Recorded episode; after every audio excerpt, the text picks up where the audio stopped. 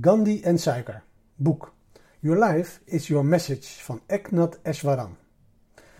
Er was eens, zo gaat de mythe, een vrouw die met haar zoontje op bezoek ging bij Gandhi.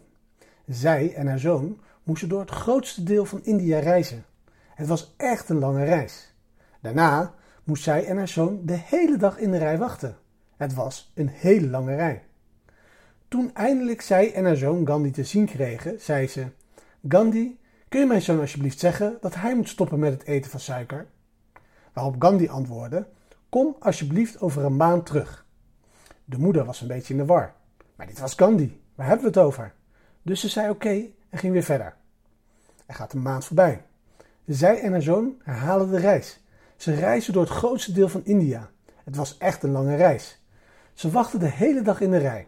Het was een hele lange rij. Toen eindelijk zij en haar zoon Gandhi weer te zien kregen, zei ze: Gandhi, kun je alsjeblieft mijn zoon zeggen dat hij moet stoppen met het eten van suiker?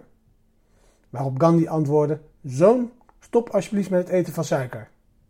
Onze moeder was een beetje in de war.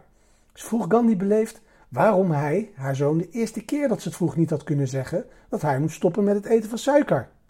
Waarop onze wijze Gandhi antwoordde: Een maand geleden at ik nog steeds suiker.